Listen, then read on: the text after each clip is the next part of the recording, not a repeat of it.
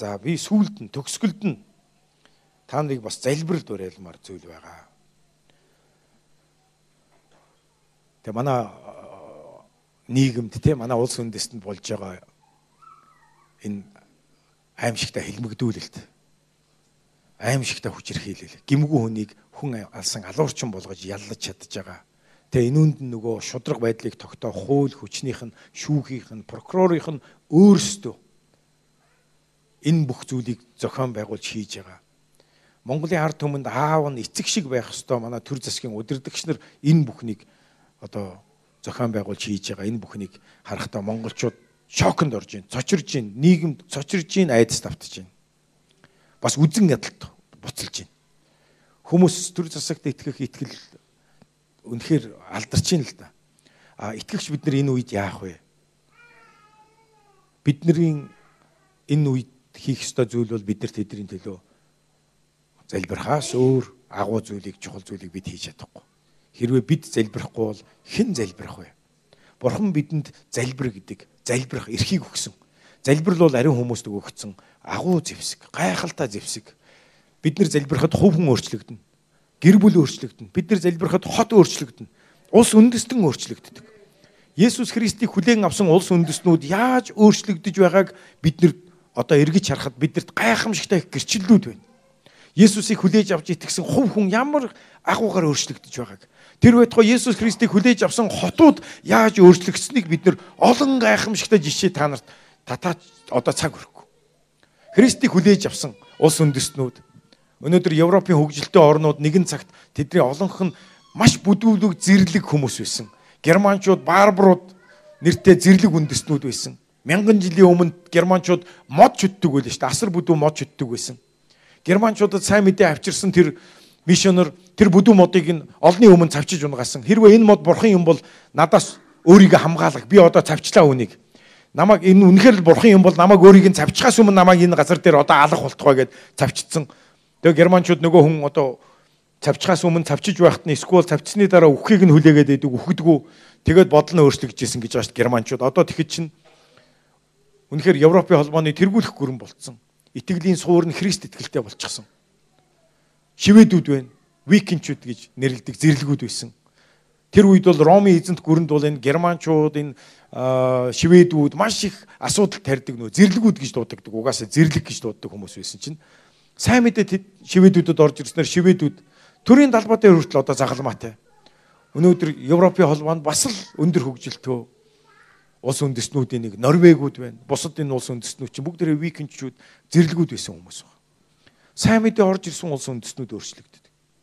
Амен. Хэдэн жилийн өмнө Шведэд очиход Шведийн пасторууд ярьж байгаа байхгүй. 100 жилийн өмнө манай Швед итгэл найдвараа алдсан байсан 100 жилийн өмнө. Архинд живцсэн байсан гинэ. Хаа сайгүй архичин хүн, хаа сайгүй баар, хаа сайгүй архин цогцсон хүмүүсийн хашгираан хүчрхийлэл ийм байсан. 100 жилийн өмнө бид нар цөхөрж исэн Тэгээ итгэгчдэр залбирч эхэлсэн. Өнөөдөр бид нэр өөрчлөгдсөн гэж. Амен.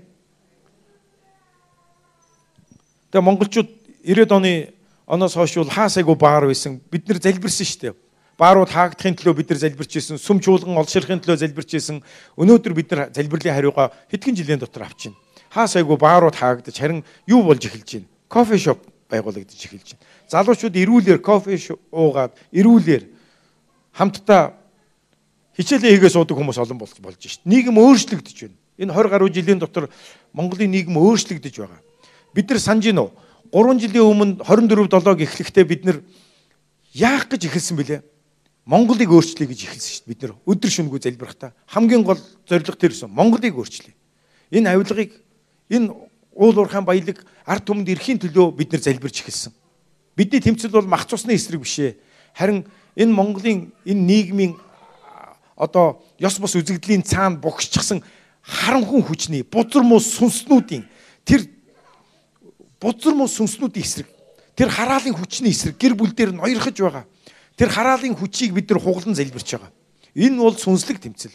Бид нар залбирч эхлэхдээ бас сүүлийн жилүүдэд юу гэж залбирчээлээ? Энэ нийгэмд богссон худал хуурмаг бүхнийг илчлээч гэж залбирсан. Ил гаргаж өгөөч. Эн чинь одоо ийм болцсон байгаа юм биш гэдгийг та нар маш сайн ойлгох хэрэгтэй. Эн чинь угаасаа байсан зүйл байхгүй юу? Харин ингэж ил гардггүй байсан. Харин одоо бүх юм ил гарч эхэлж байна. Тэр нууц бичлгүүд, тэр худал хуурмаг хувилдаануудыг илчлээч гэж бид нар залбирч эхэлсэн шүү дээ. 3 жилийн өмнөөс хувилдаануудыг илчлээч. Тэгэхэд энэ 3 жил дотор ямар их муухай хувилдаанууд ил гарч байна. Тэдний нууц хувилдсан тэр дуу, яриа, дүрсэн одоо ингээ гарч эхэлж байна. Хувилдаан ил болж эхэлж байна. Энэ бол ийм болчихсон юм биш, ийм байсан зүйл одоо ард түмэнд мэдэгдэж эхэлж байна. Эзэн цэвэрлж байгаа. Бид залбирахгүй бол хэн залбирах вэ?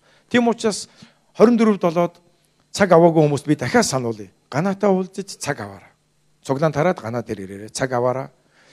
Үргэлжлүүлэн 24-д болоод залбирч байгаа хүмүүсээ та нарт үнэхээр одоо талархъя. Баярлалаа гэж хэлмээр.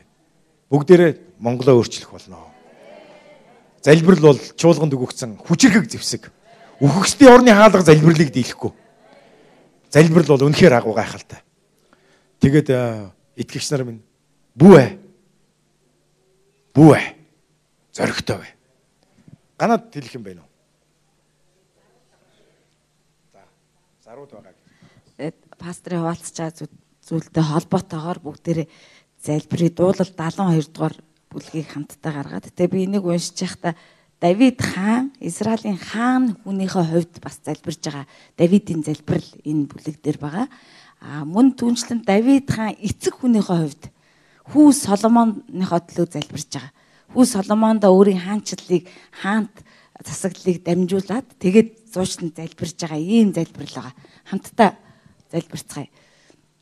Тэгээд Давид хаан залбирж байгаа. Бурхан минь өөрийн шүүлтийг хаанд өөрийн зөв шударгыг хааны хүүд өгөөч гин. Тэр таны хүмүүсийг тэр гэдэг нь Соломоныг хэлж байгаа. Тэгээ үүгээр бид нэр хэлж байхдаа Монголын төр засаг ерөнхийлөгч улсын их хурлын төр засгийн удирдагчид яг ингэж э, шүүгээсээ удирдаасаа гэдэг тэр Давидын зүрстгэлээр энэ залбирмаар байна. Амен. Тэгээ тэр таны хүмүүсийг зөв шударгаар таны үгээгүүчүүдийг шудраг ёсоор шүүх болтугай. Уус ба толгодч зөв шударгаар хүмүүст амар тайвныг авчраг. Тэрээр ард түмний зүдрэгстийг зөвтгөн Өнөөдөр Монголд яг л ийм хэрэгтэй байгаа. Тэгээ Давид хаан залбирч байна. Тэгээ бүгд яг энэ зүрхээр тэрээр та ард түмний зүдрэгстийг зөвтгөн гачигдгстийн хүүхдүүдийг аварч дарлагчийг сөнөх болтугай. Тэд тэд нарыг болон сарыг байхад үеийн үед танаас эмээг тэрээр хатсан өвсөн дээр бороо шиг газар хөрсийг усалдаг ширүүн бороо шиг бууж ирэх болтугай. Түүний өдрүүдэд гэдэг нь Соломоны өдрүүдийг хэлж байгаа. Тэгвэл өнөөдөр Монголын төр засгийн удирдагчид энэ хаадуудын өдрүүдэд Монголд зөв шудрах хүн цэцэглэх болтугай амин. Сарыг үгүй болтол амар тайванч арвин ихээр Монголын дээр байх болтугай. Тэрээр далаагаас далаа хүртэл мөрнөөс газрын хязгаар хүртэл захирах болтугай. Өөрөөр хэлбэл Монголын төр засаг удирдлага зөвхөн Монгол төдийгүй бүр те тархсан монголчууд энэ засаглал үнэн зөвн хүрх болтугай гэсэн тэр ирвэл Цөлийн нүүдэлч түүний өмнө бүхийж түүний дайснууд тоос чорог долоох болтугай.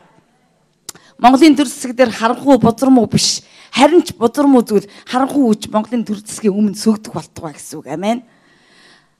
Таршиш болон арлуудын хаад албах хүчүүрийг авчраг. Шеба болон Себагийн хаад бэлэг барих болтугай гэж. Монгол руу үндэстнүүд хаадууд эд баялаг авчрах авчирч ирэх болтугай. Амен бүх хаад түүний өмнө сөгдөж бүх үндэстнүүд түүнд зарагдах болтугай. Тэрээр гачигдагчийг тусламжгүй хашгирахт нь мөн дарлагдагчийг болон тусдагчгүй нэг нэгч бас аварна. Монголд яг энэ зүйл ямар хэрэгтэй байгаа лээ. Амен. Үнэхээр Монголын төр засаг ийм ядус гачигдсан зовсон хүмүүсийн төлөө босдог тэдний төлөө дуу хоолойгоо өргөдөг тэр засаглал байх болтугай амен. Тэрээр ядус ба гачигстыг өршөөх бөгөөд гачигдсдийн амийг аврах болно гэж гачигдсдийн амийг өгдөг биш өөртөөгөө төлөө золиослдог биш харин тэднийг авардаг засаглал байх болтугай тэр тэдний амийг дарамт ба хүчирхийллээс аврах бөгөөд тэдний цус түүний нүдэнд үнэтэй байх болно гэж юм. Амен. Тиймээс тэр амьд байж Шибагийн Шибагийн алт түүнд өгөгдөх болтугай. Тэд түүний төлөө үргэлж залбирах болтугай. Тэд түүнийг өдөржин ерөөх болтугай гэдэг нь өөрөлдөө Израилийн ард түмэн хааныгаа өдөр шөнөгүй ерөөн залбирах болтугай гэж Давид хаан хүүгийнхээ төлөө залбирж байгаа.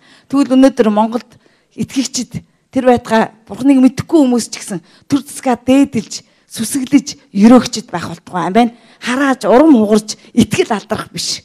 Амен. Уусын ургал оргил дээрх газарт үр тариа элбэг дэлбэг байх болтугай. Түүний үр жимс Ливаны хуш шиг найгна. Хотод суугчд газрын ургамал мэт урган цэцгэлэх болтугай. Түүний нэр мөнхөд байх болтугай үргэл хааны нэр гэрж байгаа. Түүний нэр нар гэрэлтэх мэт өсөх болтугай. Хүмүүсийг түүгээр өрөөлгөөч. Бүх үндэстнүүд түүнийг өрөөгдсөн гэж дуудах тун. Цаашаа ганцаараа гайхамшигыг үлддэг Израилийн бурхан эзэн бурхан магтагдах болтугай. Түүний сүр жахтанд нэр мөнхөд магтагдах болтугай. Бүх дэлхий түүний алдраар дүүртэгвэ. Амен. Амен. Тэгээд 24-7 Давидын асар дээр та нар хөвчлэн Давид хааны хан хүнийхээ хувьд Израилийн хойч үе ирээдүйн төлөө залбирж байгаа энэ зүрхний залбирал бас эцэг хүнийхээ хувьд хүүгийнхаа төлөө залбирж байгаа. Энэ залбирлаар бүгдээрээ залбирцгаая гэж уриалж байна. Амен. За энэ маш чухал үгийг хэллээ. Тэгээ та нар маань энэ дуулал 72-ыг 24 7-доо болон хувьчлан гэр орондоо төр засгаа өрөөхтөө, сүм чуулганаа өрөөхтөө, улс үндэснээ өрөөхтөө бас эзний үгээр энэ үгээр өрөөж байгаараа. Тэгээ би энэтэй холбоотой нэг гэрчлэл яриа тий. Юу ихлээр сая нөгөө Рема болоход өвөр Монголоос ах дүүс ирсэн, итгэгч ах дүүс ирсэн. Тэгээ өвөр Монголын нэг өдөрдөгч эмэгтэй надтай уулзаад би ярьж яхад та нар ингээд монголчуудын талаар одоо бас хэлж ярмаар юм юу вэ эзэн та нарт харуулж байгаа гэсэн чинь нарааха сая бид нэр наашаага хэл даваад Монголд орж ирэхдээ би нэг үзэгдэл үтсэн гинэ. Тэгсэн чинь тэр үзэгдэлд юу исэн гэсэн чинь Монголын газар нутаг дээгүүр асар том хүний хэл гэж байгаа байхгүй хүний хэл байна. Тэгээ тэр хэл ингээд хилэн дээр ингээд маш олон хүмүүс ингээд суучихсан, шавчихсан. Тэгээ одоо нөгөө төр засгийн удирдлага, модирдлага одоо нөгөө тэнд байгаа бүхий л одоо албан тушаалтан ирэх мэдл болон янз бүрийн нэг одоо хүмүүс бүр ингээ тэр хилэн дээр бүр ус онгоцон дээр нэг шавчдаг штэ нэг бүр одоо юу гэдэг шоргоол чавцсан юм шиг ингээ шаваарлдсан. Тэгээд тэр хил ингээ Монголын газар нутаг дээгүүр явхдаа хаашаа явж гин гэсэн чинь там руу явж гин гинэ. Тэгээд хамгийн гол нь тэр хилний урдталт нь ингээ туг барьчихсан хүмүүс нь Есүст итгэгч нар байна гэж байгаа байхгүй. Тугаа барьчихсан. Тэгээ тэр том асар том хил. Тэгээ тэр хилэн дээр ингээ бүх одоо хүмүүс ирэх мэдлэлтэй хүмүүс тэгээ там руу явж байна. Тэгээд чи энийг юу гэж бодсон гэсэн чинь өнөөдөр Монголын ард түмэн тий ахан дүүс маань төр засгийн удирдагчтай маш их харааж байна. Ирэх мэдлэлтэй хүмүүс энэ ёс бусыг харахтаа асар ихээр муха харааж байна. Тэгээ Библи юу гэдэг вэ? Хил бол тамаар асаж байдаг юм а гэж хэлсэн байдаг. Хорт муу явдлын бүгдээрээ Яаков номны 3 дугаар бүлэг дээр өнөд гаргаад тахтаа яс гаргаад Яаков 3-ын хэд дээр байна хил ярианы тухай байгаа. Тэгэд Библи бас юу гэдэг вэ гэхээр хил ярианы хүчинд ам ба үхлийн хүч оршдгоо гэж хэлж байгаа. Та нар үүнийг ах дүүсмэнд ерөөлөн ч үг, хараалан ч үг, аль аль нь үгээр байдаг. Библи бидрийг бүү хараа гэж хэлсэн байдаг. Яагаад Тэгээд тэр өвөр Монгол удирдахч хэлж юм л да. Ялангуяа Есүст итгэдэг хүмүүсийн төр засгаа муулж харааж байгаа хараал бол амар хүчтэй гэж. Яг л итгэгч хүний үг маш их хэрэг мэдлэлтэй болсон. Та нар Есүст итгэдэг хүмүүс гараа өргөдөө. Та нарын хэл яриа амнаас цаа юу унгаж байгаа чинь ердөөсөө маш хүчтэй өхүүлэн амьлуулна. Тэм учраас Есүст итгэгч нарт хандан бурхан юу гэж хэлсэн бэ гэхээр битгий хараа гэж хэлсэн баг. Харин ерөөх түн гэж хэлсэн. Аа. Тэм учраас тэр дүүмэн юу гэж хэлж байгаа гэхээр нараа хаа. Итгэгч нар маш их муулж байна. Амаараа маш их харааж байна. Төр засга. Итгэдэггүй хүмүүс бол хараах дүүрч итгэгч хүмүүс ингэж болохгүй. Итгэгчдийн энэ төр засгийн эсрэг хэлж байгаа альва сүрг үг, альва хараал зөвхөн төр засагч биш.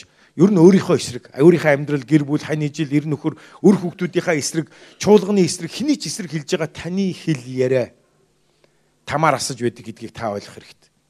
Тэгээ тэр ишлэг гаргаад ирдэ. Яков 3-ын 6 дээр ингэсэн байна. За 5-аас 6-ыг гаргачихъя. Түүнчлэн хэл гэсэн биеийн жижиг эрхтэн атла агуу том зүйлсээр сайрахдаг ажээ.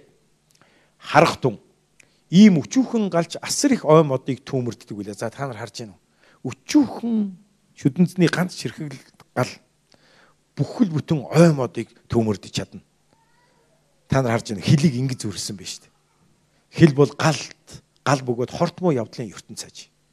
Хил нь бидний эрхнүүдийн дунд байж бүх биеийг бузралдаг гинэ. Бүх биеч төдийгүй амьдралыг бузралж байгаа хөөе. Энэ хил бүх хүний амьдрал, хүний бие, эрүүл мэнд, сүнс, сэтгэл энэ хот улс үндэстнийг бузралж байгаа зүйл. Яагаад гэвэл хараал хийж байгаа хүмүүс үгээр л хараадаг, хэл яриагаар л хараадаг. Ерөөх чинь бас л хэл яриа. Хэл бидний амьдралын хүрдийг галдан шатаадаг бөгөөд өөрөө тамаар асаж байдаг юм а гэж хэлсэн байна. Цаашаа хамтдаа. Учир нь төрөл бүрийн аратан амьтад шувууд хэвлэр явагчид амьтад болон далаа тэнгисийн амьтдыг хүн төрлөختөн номхруулж байгаа бөгөөд номхруулсаарч ирсэн. Харин хинч хэлийг номхруулж чадахгүй гэж. Хэл бол үхлийн хороор дүүрсэн амралтгүй бузар идмөө. За та нар минь амаараа юу ярьж байгаагаа бодож үзээч. Ах дүүс минь ээ. Улс үндэснийхаа хов тавилангийн эсрэг юу ярьж байна? Удирдагчдийнхаа эсрэг юу ярьж байна вэ? Тэгээ бид нэр өнөөдөр бүгдээрээ шийдэж, имэж таны хэлэнд ямар их эрх мэдлийг өгцөн гэдгийг ухаарч ямар ч үед та хараахгүй дандаа ерөөх болно гэж шийдэж. Дандаа сайн сайхан хэл ярианы хүч гэдэг бол үнэхээр хүчтэй шүү. Тэм учраас сая ганагийн уншсан энэ дуулал 72-ийн ишлэл 72 тий 72 дээр хааныг юрөөж байгаа байхгүй улс үндэснээ юрөөгöd байна. Тэгээ сая ганаа хэллээ шүү дээ. Ерөө гэж. Ганаа бол энэ гэрчлэлийг сонсоогүй шүү дээ. Ганаад би хэлээгүй. Тэгэхэд энэ ерөөх тухай яриад байгаа байхгүй. Тэгэхээр та нар харж байна. Ариун сүнс бидэнд хэлж байна. Ерөө. 24 долоодоо ерөө гэртээ өглөө өдөр орой ерөө ажиллаа ерөө ерөө ерөө ерөө харин бүү хараа. Амен. Ром 12-ийн 12 дээр ерөө бүү хараа гэж бичсэн байгаа. Бүгдээр энэ ишлэлийг харъя. Тэгээ энэ ишлэлийг бичиж ав энэ ишлэлийг чэйжилж аваарай. Библиэлд залбирал найдвар дотор баярл гэсэн байна. Амен. Өнөөдөр харахад бол бидний нийгэмд найдвар гэхээс илүү бид нар цөхрөх мэт тийм мэдрэмжтэй байгаа. Гэхдээ найдвар дотор баярл гинэ. Найд сайхан болно. Амаараа сайн болно. Бүх юм өөрчлөгдөнө. Бидний залбирал бурхан хариулж байгаа. Энэ улс үндэстэн цэвэрлжүүлэгдэх болно. Улс төр цэвэршүүлэгдэх болно. Амен. Хүмүүсийг та нарыг хавчигч хүмүүсийг ерөө гинэ. Ерөө харин бүү хараа. Та нар яагаад ингэж хийснийг ойлгож байна уу яст итгэгч нар одоо ерөө битгий хараа гэдэг байгаа. Яагаад гэвэл хараавал энэ хэл яриа чинь ямар нэг юмыг сүрүүлээд байгаа гэдгийг Библи мэдж байгаа хөөе. Тийм учраас ерөө битгий хараа гэж хэлж байна. Энэ хараа гэдгийг бид нар ингээл яг ингээл бузар мөгөөр бол харахгүй байгаа ш. Гэхдээ итгэгч хүмүүс яаж хараадаг вэ гэхээр болохгүй байгаа тэр асуудлуудыг яриад байхаар тэр хараал болж очиж байгаа. Төр зэсэг маань ийм ч муу байна, тийм ч шудраг бус байна. Ингэжч тэгж ийн гэдэг тэдний асуудал сөрөг болгоныг нь хасах болгоныг нь ярьснараа тэр нь тэдэн дээр хараад болж очиж байгаа гэсэн. Нэг итгэгч пастор хүн сүмийнхаа сүмдээ ингээд бүр бүтэн оркестр худалдаж авсан байл да асар их мөнгө зарцуулаа би та нарт өмнө ярьжсэн байна. Тэгсэн чинь эзэн тэр тэр өгжмийг тоглох хүмүүс ерөөсөө ирээгүй. Тэгээд пастор найгуу сэтгэлээр унаад бурхны өмнө Хэвээ ямар тэг ийм их мөнгө зарцуул ярьж байгаа. Эдгээр яасан ирдгүүгээд нэг удаа ирсэн. Хоёр удаа дахиад эзний өмнө нэрээд гоншихсан чи эзэн юу гэж хэлсэхэр чи яагаад өөрийнхөө хүмүүсийг хараагаад байгаа юм бэ гэж хэлсэн. Тэгэхээр хараал гэдэг нь бидний нөгөө мэддэг хараалын үг биш. Итгэж хүмүүс бид нар асуудлыг нь ярьснаар тэр асуудлыг улам илүү таргалуулснаар тэжээснээр тэр нь тэр хүмүүс дээр хараад болоод тэр хүмүүсийг хүлээд байгаа гэсэн. Тэгэхээр төр засгийн болохгүй байгаа юмныг ярих биш. Харин ямар болоосоо гэж хүсэж байгаагаа ярих нь ерөөл тэдэн дээр ерөөл болж байна. Амен. Тэгэд хараа ерөөхтөө нэг зүйлийг аягүй сайн хэлээрээ заяа. Бэлдээрээ. Зүрх сэтгэлээсээ ерөө. Яг гэвэл Ром 19 10 дээр зүрхэндээ итгэл зөвхт байдал төрдөг амаараа тунхаглан хүлэн зөвшөөрөл аврал төрдөг гэж гараа. Зөвхт байдал аврал хоёр хоёулаа үг байгаа байхгүй юу? Зүрхний итгэлээр тунхагласан үг байгаа. Бидний аврал хүртэл итгэлийн үг тунхаглаар ирсэн байгаа шүү дээ. Зүрхэндээ итгээд амаараа тэрийгэ тунхагснаар бид аврагддаг. Амен. Тэгвэл хараа яагаад хараал ажиллаад байгаа юм бэ гэхээр зүрхнээсээ итгээд нь штэ. Энэ бүтэхгүй байна, энэ ийм байна гэд дандаа зүрхнээс гарч байна. А харин ерөөхтөө дандаа эргэлзээтэй. Өө бүтэх юм уу дөө зүгээр хоосон үг зүрхний итгэл биш. Тийм учраас та нар ерөөхтөө найдвар дотор баярлаж байгаад сайхан болно гэдэг чинь яг зүрхнээсээ дандаа тунхаглаж тэр ерөөл. Тэгвэл тэр ерөөл маш бодиттой хүчтэй байх болно зүрхнээс гарч байгаа. Бурхны үг амлалтанд итэг. Тэгээ би бас нэг чухал үгсийг та нарт хэлмээр энэ үгний талаар. Юу вэ гэхээр за энийг та нар минь маш сайн мэдэх хэрэгтэй. Хил яриа гэдэг үг хил яриа гэдэг үг ба штэ. Еврей дөрвөн үсгээс бүрддэг юм байна л д. Дөрвөн үсгээс бүрддэг энэ хил яриа гэдэг яриа гэдэг энэ еврей үг үсэг болгоно нь тус тусдаа бас утгатай гинэ. Дөрөв энэ хэл яриа гэдэг еврей үгийг бүрдүүлдэг дөрвөн үсэг нь өөрөө үсэг болгоно нь өөрөө утгатай. За та нар одоо хараарай. Эхний утга нь эрх мэдэл гэсэн утга агуулдаг гинэ. Хэл яриа гэж хэлдэг. Манай монголоор бол хэл гэсэн үг байна шүү дээ, тий? Хэл ярианы хэл гурван үсгээс бүрдэж байна. Еврей бол дөрвөн үсгээс бүрдэж байна энэ хэл гэдэг үг. Тэгвэл Монголоор бол хэ үсэг нэг утгагүй шүү дээ хэ. Гэтэл еврейгээр бол энэ хэл яриаг хэлдэг энэ дөрөв үсэг болгон утгатай. Эхнийх нь эрх мэдэл гэсэн утгатай. За та нар одоо боддоо тэгвэл эрх мэдэл. Ямар эрх мэдэл вэ гэсэн чинь устгах эсвэл барьж байгуулах эрх мэдлийн тухай ярьж байгаа. Хоёр дахь хэл яриаг бүрдүүлдэг хоёр дахь үсэг нь еврей үсэг нь өөрөө хэл яриа гэсэн үг үг утгатай гинэ бас хоёр дахь үсгэн.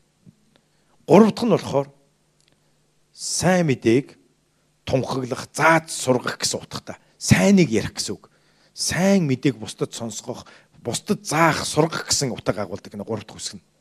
Дөрөв дэх үсгэнд болохоор магтаал хүндлэл гэдэг үг байдаг. Утгатай гинэ. Хэл яриа гэдэг үгэнд ордог. Тэгээ би нэгтгэхэд хэлэх юм бол эрх мэдэл, хэл яриа, сайн мэдээг тунхаглах буюу зааж сургах бусдад тэгээ магтаал хүндлэл. Энэ хэл гэдэг үг байна. Хэл ярианы хүч, эрх мэдэл, мөн чанар нь юу вэ? Тэгээ бидний магтаал хүндлэл ч гэсэндээ хэл яриа шүү дээ. Тэгэд хэл яриагаа бүгдээрээ эрх мэдэлтэйгээр хэрэгжүүлцгээе. Амен. Та нарын залбирал улам хүчтэй болох болтугай. Тааны залбирал голом үр жимстэй байх болтугай. Та бидний залбирлаар дамжуулаад үнэхээр энэ хот улс үндэстэнд хүлэгдэх ёстой бузар мөн хүлэгдэх болтугай. Холбогдох ёстой бүх ерөөл сайн сайхан Монголын гэр бүлүүд дээр, Монголын нийгмийн бүх салбарууд дээр онцгойлон манай төр засгийг ирэх барьж байгаа хүмүүс дээр тэдэн дээр сайн сайхан холбогдох болтугай. Тэднийг удирдах байгаа тэр цаана нь тэднийг бузар муу зүйл хийхэд хүргэж байгаа харанхуй хүчний нөлөө хараал нь хүлэгдэх болтугай. Хүчгүй болгогдох болтугай. Ялгуусаагүй бурхны хүүгийн нэрээр залбирч байна.